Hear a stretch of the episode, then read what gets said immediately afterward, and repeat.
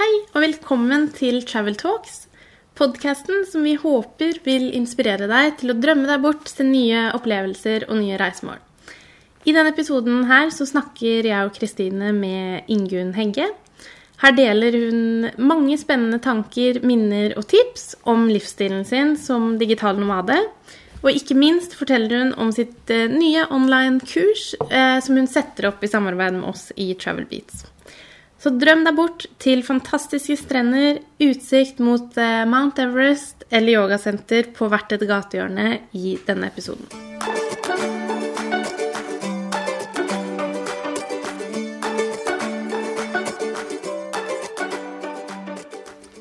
Hei! I dag så snakker jeg og Kristine med Ingunn Hegge.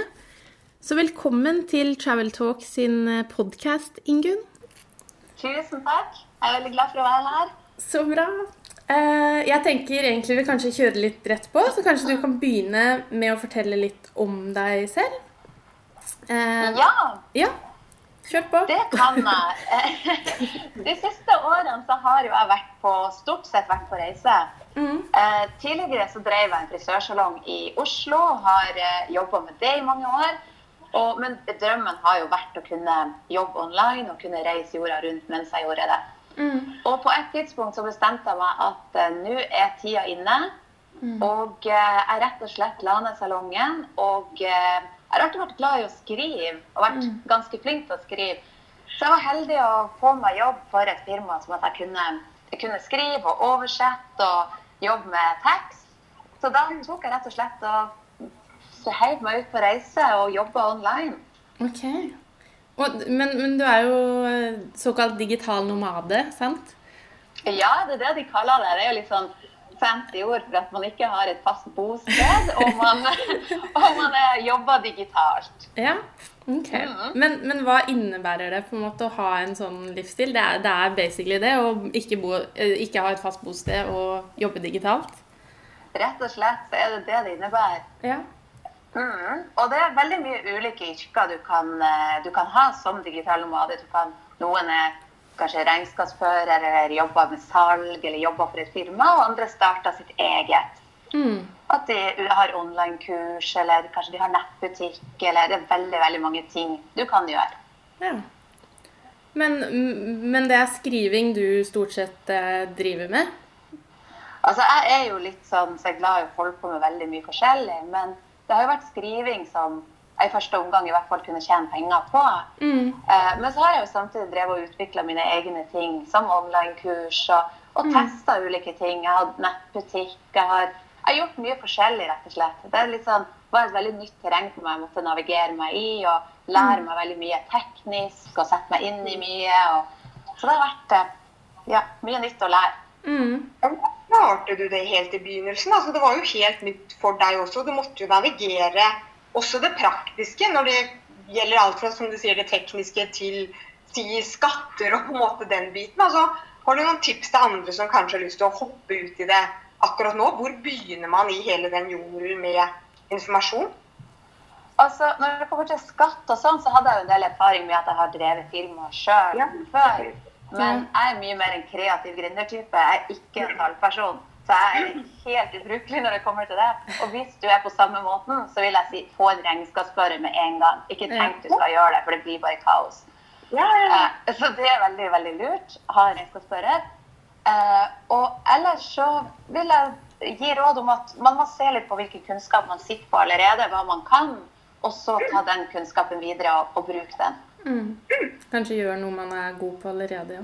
Det, Ja, gjør noe man er god på allerede. mm.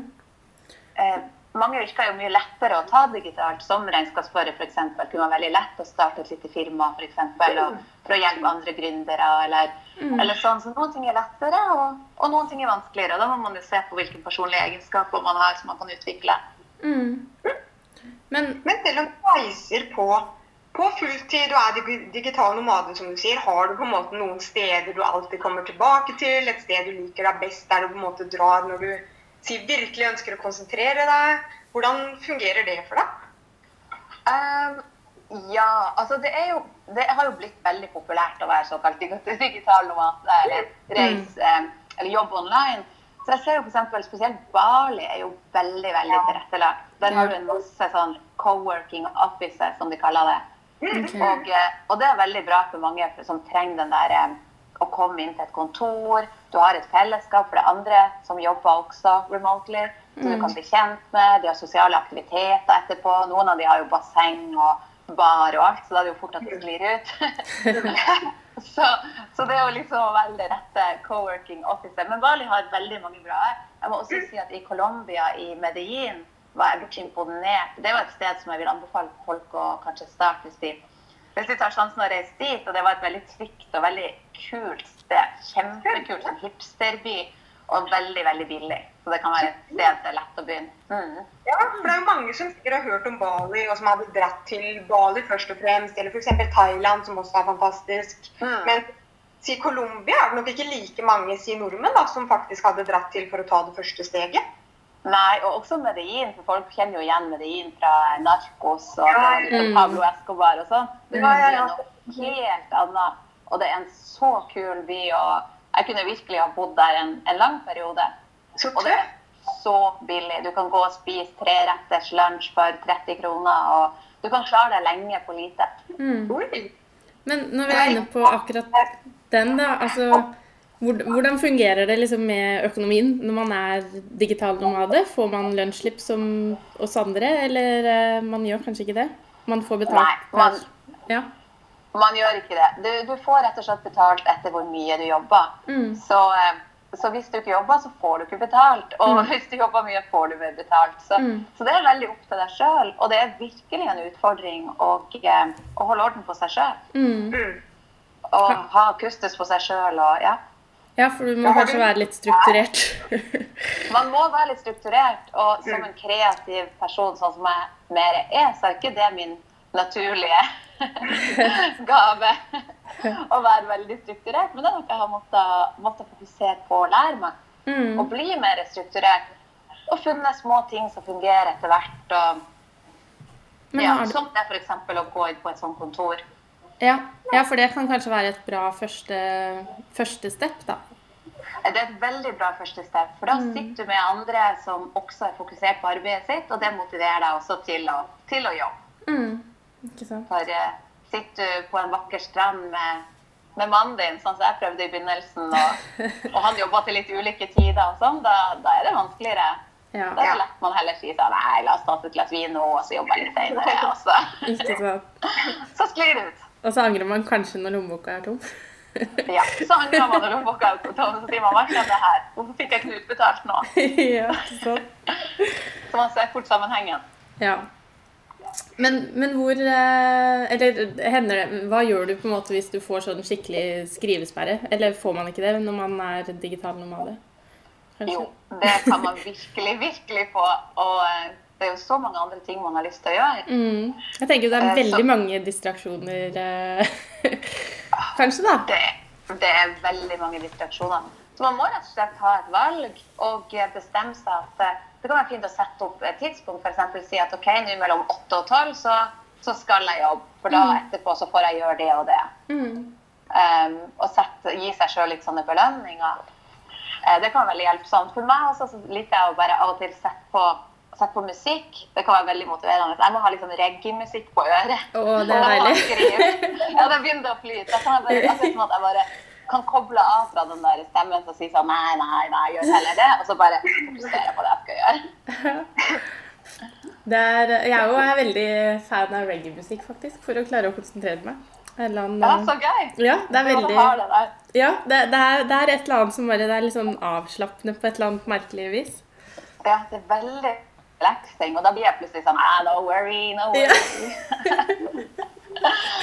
så ja, det er et godt tips. Det må folk prøve mer.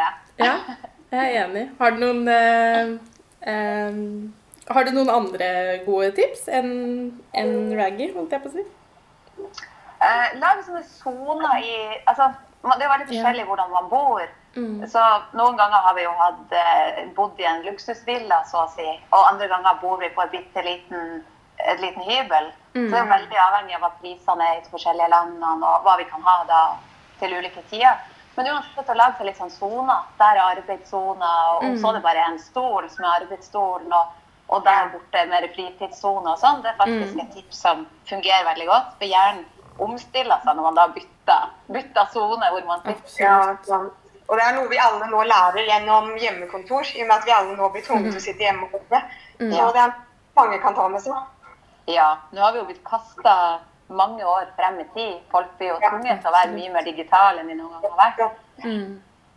Så jeg tenker jo det her kanskje kan bringe noe positivt på den måten at eh, kanskje det blir mye mer remote working Mm. Eh, etterpå. For, folk, for mange fungerer det ikke, men for mange fungerer det veldig godt. Og for mange fungerer det faktisk bedre enn å Mm. være på et kontor. Ja, jeg merker det veldig selv òg. Altså, jeg sitter jo på en måte i Malawi med hovedvekten av team i Norge. Og det fungerer utrolig fint. Selvfølgelig er det en overgangsperiode, men man blir så vant til det. Og man kan konsentrere seg på en helt annen måte. Så jeg tror nok mange andre også føler eller hadde følt det, om de faktisk fikk sjansen på lang sikt. Mm. Jeg tror også det. Det er en sånn egen ro og ja.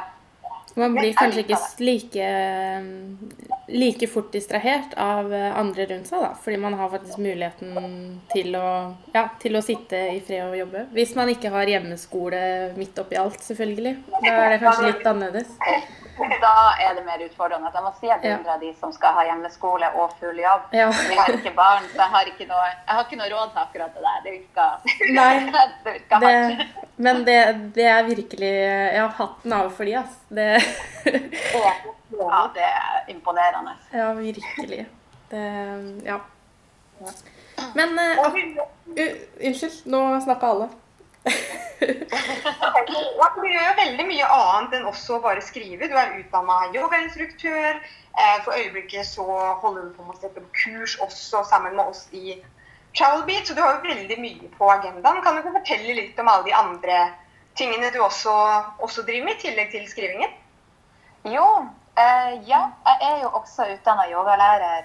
Eh, og det har jeg tatt opp veldig mye det siste året og begynt å undervise, prøve å undervise mer online. Så Det begynte med at jeg lagde et kurs eh, tidligere i år. Det var det første online-kurs som var laga for folk som sliter mye med stress og angst og sånn. Eh, som er mye yogaøvelser og sånn som kan hjelpe for det. Det har jo vært veldig mye undersøkelser på yoga opp igjennom, og det viser jo hver gang at det virkelig hjelper mennesker. Uh, og nå er vi jo en veldig tøff, tøff periode der veldig mange kjenner på den indre angsten og stressen. Og sånn, og, og da er yoga et fantastisk verktøy. Så det er noe jeg har lyst til å jobbe mer med, og jeg er veldig glad skal lage nå det kurset som jeg holder på med i samarbeid med dere òg. Som, eh, som vil fokusere altså, Jeg tror folk ofte har en tendens til å tro at å, yoga, jeg må være så fleksibel. Jeg er ikke Ja. fleksibel, så jeg skal ikke gjøre yoga. Men det kurset skal virkelig fokusere på det at du trenger ikke å være fleksibel. Det er ikke det det yoga handler om i det hele tatt. Eh, Vise at yoga er for alle, og det kan hjelpe oss alle. Mm.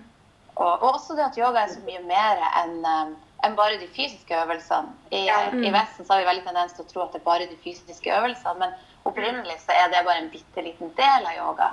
Ja. Eh, Det innebærer også meditasjon og pusteøvelser, hvordan vi tenker, hvordan vi spiser, og hvordan vi tar vare på, på oss sjøl. Og, og holder oss i balanse. Ja, ikke sant?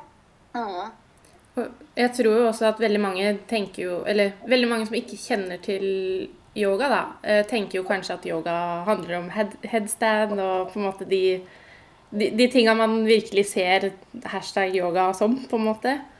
Eh, Ja, det er det dessverre folk ser på Instagram, alle som står i umulige posisjoner og legger tærne i bakhodet. Ja. Men det er ikke det yoga handler om. Nei. Det er så mye mer, og det er et verktøy som, som Man kan si at på, på mange måter er yoga verdens eldste system for selvutvikling, som går på alle aspekter i livet. Så, så jeg har funnet det ekstremt hjelpsomt i mitt liv, og også det for, for fokus og konsentrasjon og sånn har det hjulpet meg Ja, ikke enormt. sant.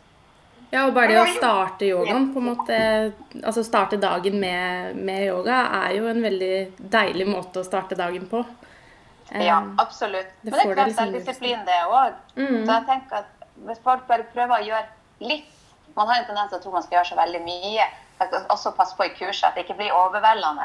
Ja, det blir et kurs som, som lett kan gjøres og er gjennomførbart. Mm. For, for å få inn en praksis. Ja, og, og som kanskje ikke trenger å Altså, du trenger kanskje ikke sette av halve livet ditt for å på en måte klare å klare å gjøre eller drive med yoga, da. Man kan kanskje ta det litt ja, midt inni all stresset, så kan man finne tid til det likevel, på en måte. Absolutt. Mm. Så, så det skal fokusere på det og være tilrettelagt for alle. Og, Mm. og også lære folk pusteøvelser. Pusteøvelser er helt utrolig, og det er noe vi vanligvis de fleste ikke kjenner til engang. Mm. Mens yoga har en masse teknikker som kan forandre sinnsstemninga på null komma niks. Mm. Du kan gå fra veldig stressa og ha veldig kaos i hodet til å føle deg veldig fokusert og rolig. Så, Mm. så det er utrolig verktøy. Men, vi gleder oss. ja, hva fikk deg egentlig interessert i eh, hvordan, hvordan ble du yogafan, på en måte? Å, det begynte ganske tidlig at jeg fant en bok ganske tilfeldig. Jeg vet ikke hvor den boka kommer fra. Jeg tror noen ganger ting bare kommer inn i livet ditt når de skal, men jeg vet ikke hvor den kom fra. Og, eh, og da var jeg veldig ung, og da husker jeg det var sikkert bare en sånn 16-17 år. og Jeg satt på rommet og leste denne boka. Jeg syntes det var veldig mystisk, og gjorde liksom noen av disse øvelsene og bare sovna på gulvet og tenkte hva skjedde. Så, så allerede da fikk jeg interessen. Men så var det jo mange år med fra du vet, ungdomstid og fest og alt sånt her, og var liksom ikke så mye fokus på yoga. Men så når livet mitt ble, på et tidspunkt ble ganske tøft, og jeg sjøl måtte oppleve liksom indre angst og stress, og alt sånt, da søkte jeg tilbake til yoga. Og oppdaga hvor, hvor mye den hjalp meg. Og, og for min egen del så var jeg i en situasjon der jeg sleit veldig mye med angst. Og jeg kunne aldri ha levd det livet som jeg har gjort nå hvis det ikke har vært for yoga. Aldri i livet. For jeg var livredd bare for å gå på et fly. Så fantastisk. Ja, ja, ja, jeg svimte av. Besvimte på flyet, og det var, det var virkelig det var virkelig veldig ille. Så for meg å tenke på det nå, det tenker jeg her var det meg. Så, Ja, men hvordan er det nå, holdt jeg på å si? Altså, får du fortsatt den angsten nå, før du skal inn på flyet, eller klar- har det liksom blitt helt borte? det, har blitt, det har faktisk blitt så å si borte. Det har blitt eh, Det er en sjelden gang jeg har hatt noen episoder som har vært litt sånn der Å, nå følte liksom det der gamle stresset. Vet, noen ganger man får, det bare ligger, bindene ligger igjen. ikke sant? Men så har jeg da har jeg tek tek teknikker.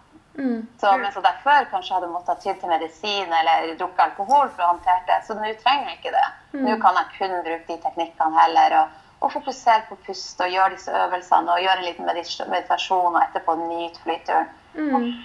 Ja, og da klarer du så du faktisk å nyte det, på en måte, og titte ut av vinduet og tenke livet er herlig. Ja, ja, ja. Nå syns jeg det er den deiligste følelsen der at flyet Akkurat den der når de kjører kjempefort før de tar av, og så man kommer oppover skyene. Det syns jeg er bare helt utrolig. Og så. Men så utrolig Eller sånn Altså, det er, det er jo helt sikkert mange som hører på, som, som faktisk sliter ganske mye med flyangst, da. Eh, Ja. Så kanskje det er verdt å, verdt å prøve ut for dem òg. Utvilsomt. Helt, altså det, jeg har sett så, så mange mennesker bli hjulpet av yoga. Både om de har slitt med angst og stress, eller om de har slitt med avhengighet, eller om de har slitt med ja, så mange ulike ting. Mm. traumer, alt mulig. Så, så ja, jeg vet det er noe som fungerer, men man må gjøre jobben. Du kan ikke gjøre yoga én gang og forvente at, at nå skal du bli reparert. Du Nei, må legge inn litt arbeid. Helst hver dag. Mm. Mm. Men har du noen favorittdestinasjoner nå som vi snakker om reise, for de som bryr Ja. seg om, om yoga? For du har jo vært på en del yoga-retreats, wellness-retreats rundt omkring i hele verden. Hva er dine favorittsteder for de som virkelig er interessert i, i dette? Eller bare de som starter nå, for den saks skyld? Å, jeg har mange nydelige yoga-retreater. Eh, Min første som jeg tok eh, yogalærerutdanninga på, er i Bahamas. Den heter Shivananda Yoga Ashram. Og Ok. ligger på Paradise Island, som er en helt Oi. nydelig karibisk strand. Med yogaplattformen bare over stranda. Og bare, altså det tror jeg er den vakreste stranda jeg har sett i mitt liv. For det er, de fargene er bare helt insane. Mm. Eh, Så den Shivananda Yoga Ashram den er jo helt fantastisk. Den er nok ganske sånn spesiell for mange, for den er veldig, det bor sånn yogamunker og nonner der. og De har et sånt tempel med masse praksis og chanting og bønn og alt mulig hver dag. Så det kan være ganske overveldende for mange. Husker jeg kom til det og tenkte hva er det her? Men eh, etter hvert syntes jeg det var veldig flott, og jeg synes det var ekstremt glad jeg dro dit. Så det er en favoritt. Oh. Var det din Eh. første yogatur, holdt jeg på å si? Altså, Ja, det var Ja. min første for sju år siden når jeg tok eh, min første yogalærerutdanning. Okay. Så det var min første tur. Um, og så syns jeg India Rishikesh er jo en sånn yogaens Las Vegas, så å si. Mm. Der har du jo yogastudioer på hvert et hjørne. Det er jo bare sånn du ser sånn nesten sånn neonlys og bare tarot, yoga, det er jo, og det er jo veldig, veldig kult å være der. Det er ikke Starbucks, det er yoga på hvert gatehjørne. Ja, ja, ja, på hvert gatehjørne. Det er helt utrolig. Veldig spennende sted. Mm. Um, Og Rishikesh er vel også berømt for ekstremsport, sant? Så det er jo faktisk en fantastisk destinasjon også for de som ikke bare vil gjøre yoga, men også vil ha litt eventyr. ja, de som vil raft, f.eks., så rafter du gjennom Ganges, Gangeselva. Og, og det er veldig spesielt. Veldig verdt å dra til. Og så er jo hele byen eh, vegetarisk by law, og det syns jeg er fantastisk. Ja, enig. Så, så det er veldig annerledes sted, og uh, veldig verdt et besøk. Mm. India er jo Det er jo der yogaen kommer fra, så India har mye fantastisk uh, å by på. Samtidig så det kan være et tøft land å reise i. Mm. Mm. Eh, og så er det jo Bali, selvfølgelig. Det er jo det enkleste å dra til Bali. Det er jo veldig lettvint og veldig sånn fancy yoga. Og, ja.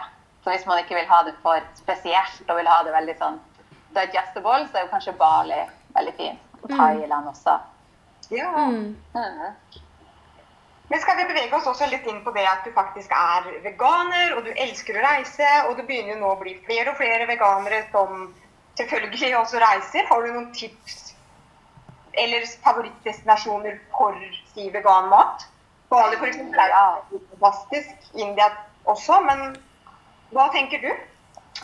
Jo, det har jo vært Altså, Folk spør jo alltid om det at å, er det ikke vanskelig å finne mat, men det er så lett. Og det blir jo bare lettere og lettere. Ikke sant? Eh, Vi bruker jo alltid vi bruker google masse. Og vi går liksom inn med en gang vi kommer et nytt sted, og vi skriver 'vegan restaurant near me'. Det er liksom det jeg skriver inn. Og da ser du bare bam, kartet kommer opp, og da ser du hvor alle er plassert i nærheten av det. Og det er jo et veldig godt tips. Um, og så ser jeg jo også på vanlige restauranter at de har veldig lett for å lage, å lage til Ja. når man trenger. Og eh, det beste stedene må nok være Bali er jo et veganparadis. Der er det jo veganrestauranter overalt. Så Bali er et sikkert kort. Eh, spesielt Ubud. ja. Og både for yoga og vegansk mat er jo det bare helt, helt, helt perfekt. Det er et, et av mine favorittsteder.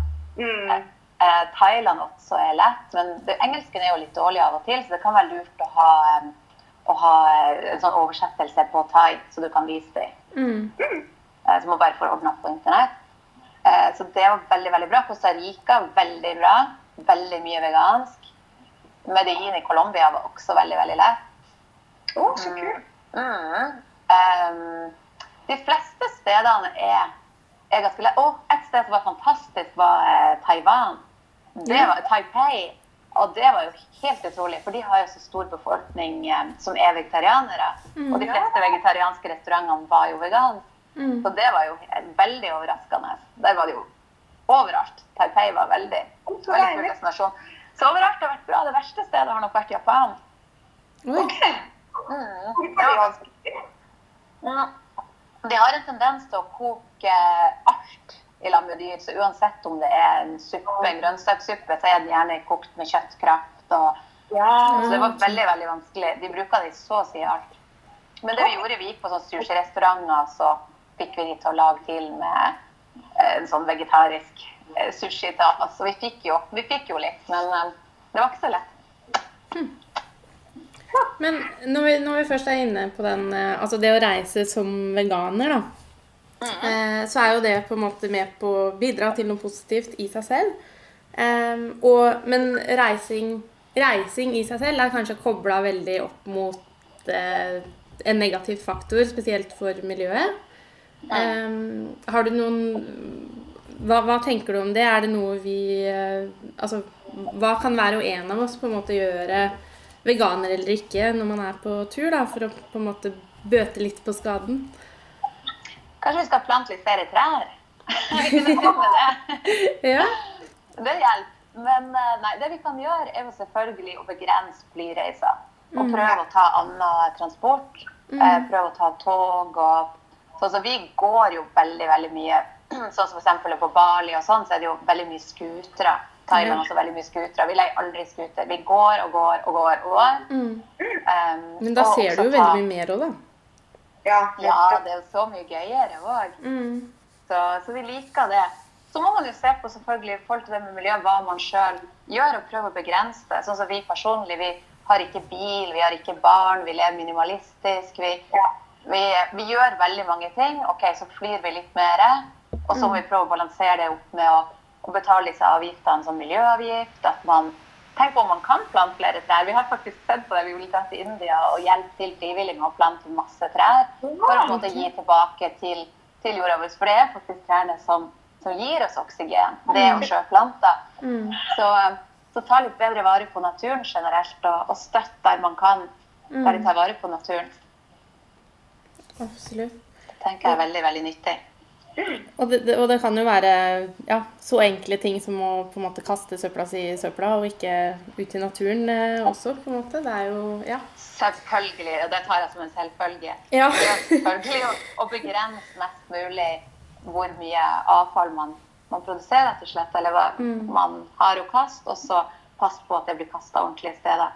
Mm. Men det er jo frustrerende ofte i Asia, noen steder sånn, så har de jo ikke noe godt system. Så uansett hvor godt du gjør det og kaster det på en måte riktig sted, så vet du ikke om det, den flaska ligger i havet i morgen. Nei, Og det er jo veldig kjipt.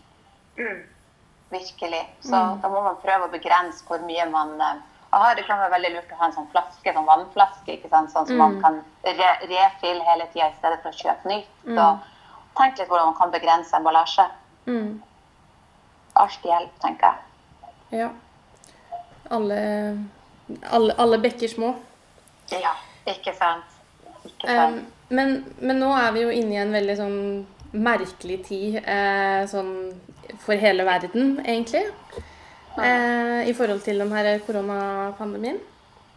Eh, og mange, mange føler kanskje på litt ekstra sånn stress og uro for nettopp dagens situasjon. Det er jo sånn hvordan kommer verden eh, til å bli? Hva kommer til å skje? Altså Kommer vi på en måte til å komme tilbake til det normale igjen, eller hva Ja, hva, hva skjer, rett og slett?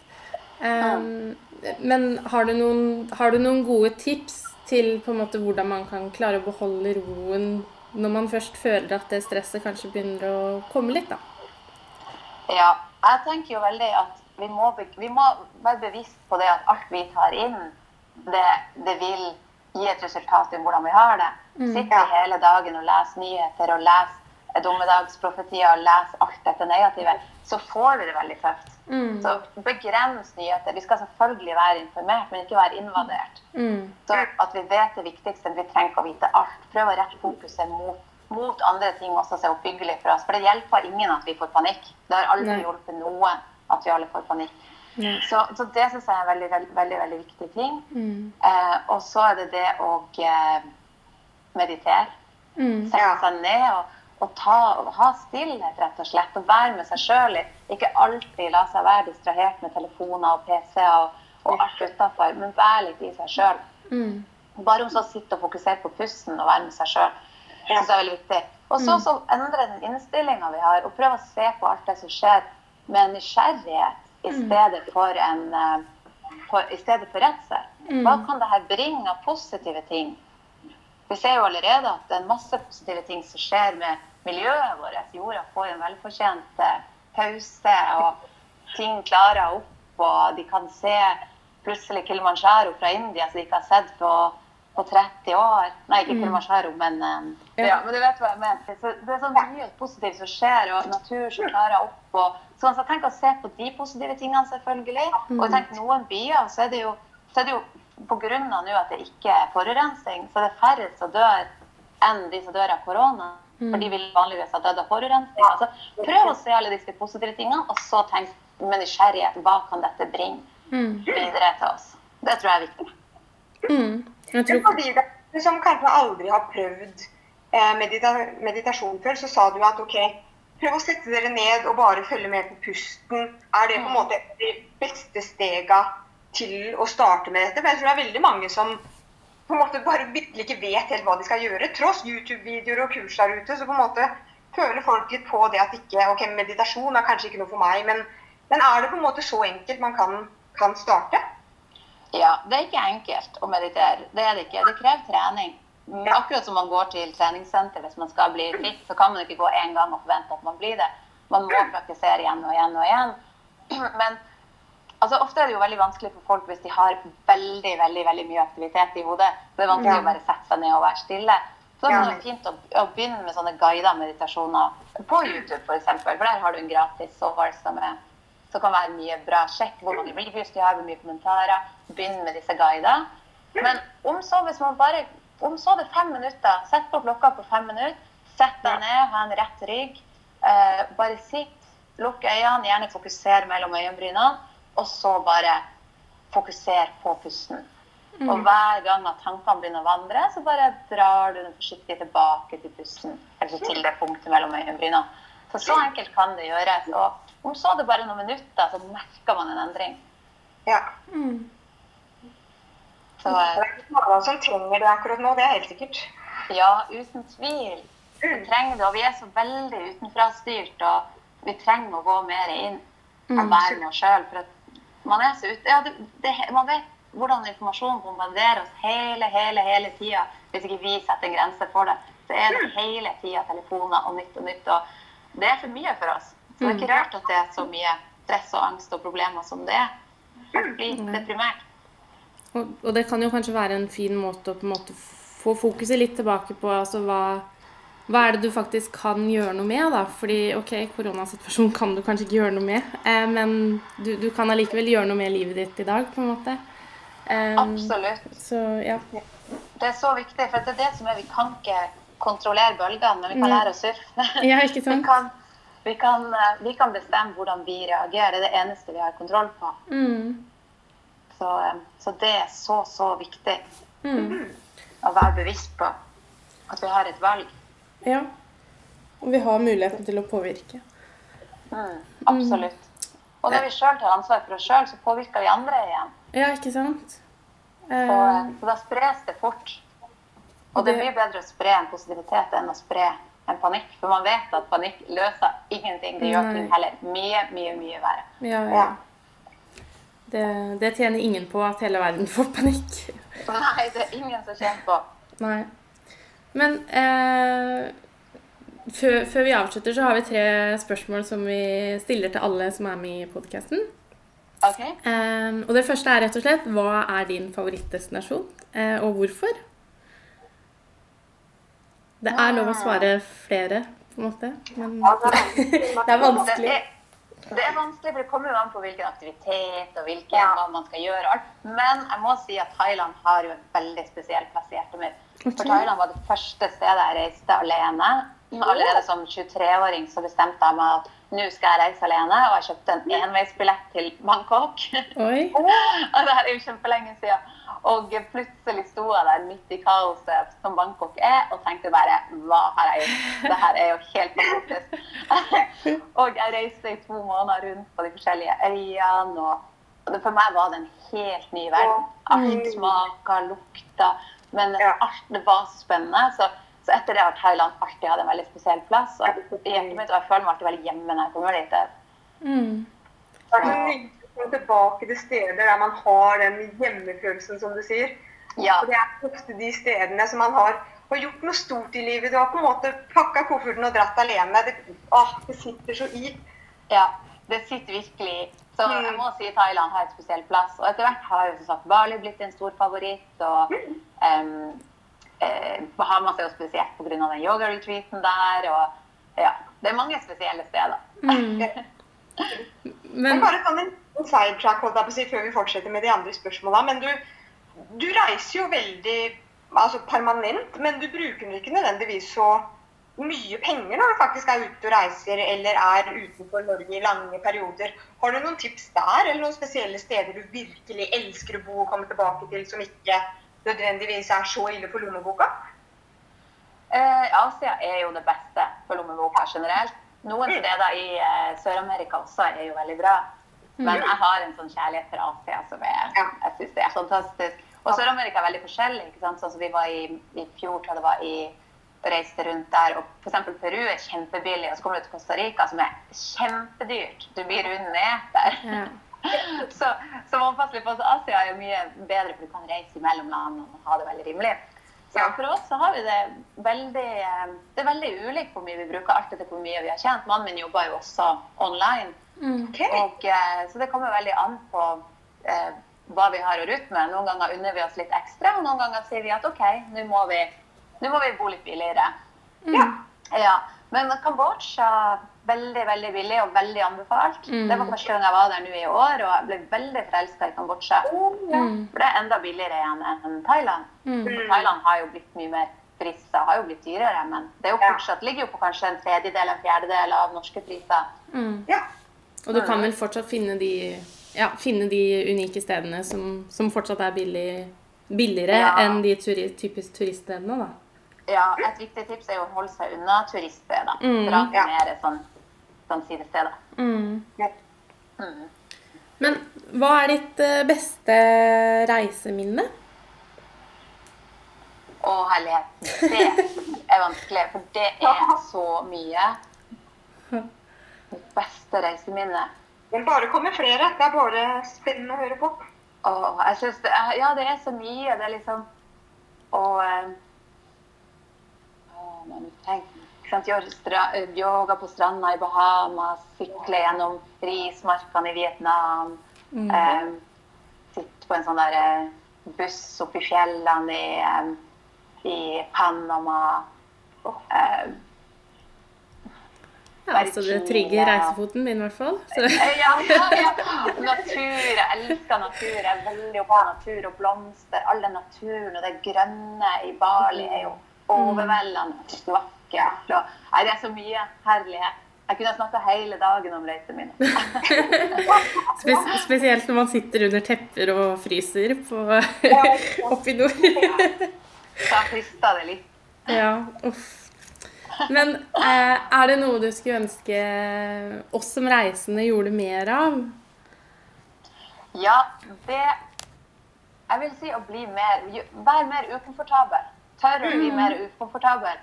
Fordi at Drar man på en sånn her komfortabel ferie der alt er satt opp og, og hotell og alt, så blir feriene veldig like. Det blir OK, deilig, du kan kose deg i sola, alt sånt, men du får ikke noen sånne unike minner. Mm. Så tør å være litt ukomfortabel.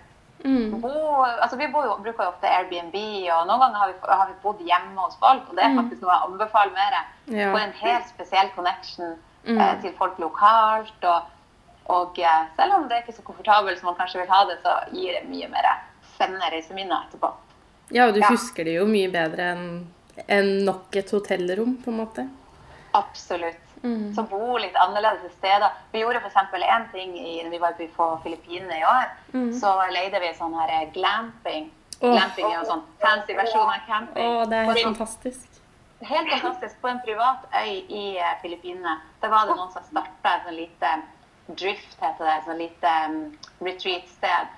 Og da bodde vi i en sånn uh, glampingtelt bare rett foran havet. Det var sikkert 20 meter ned til strandkanten. Og eh, ikke noe var, Nesten ikke elektrisitet. Det var bare sånne her sparelamper, sånne ekolamper. Så det var veldig dus belysning om natta og sånn. Mm. Og eh, stjernehimmelen var bare helt ekstrem. Det var sånn Stjernene var rett foran deg om natta hvis du gikk ut. og så, Det var en helt spesiell opplevelse. Og det var noe som vi først ville tenke bare Oi, hva er det her, liksom? Så, Ja. så tørre å gjøre noe annet. Leie glampingtelt, eller leie en husbåt eller en bil, og kjøre rundt i den, og van. ikke sant? Og gjøre noe helt spesielt. Det er det som skaper de spesielle reiseopplevelsene. Definitivt. Og det er kanskje ikke så mange som vet at det er, det er, det er faktisk mulig å leie en privat øy på Filippinene. Det er faktisk mulig. ja. Så vi leide jo ikke hele øya, men vi bodde jo Det var jo ikke mange som var der. Men, eh, men det er faktisk mulig. De har jo så enormt med øyer. De har vel en 8000 øyer, tror jeg. Mm. Så de har litt å ta av der borte. De har det.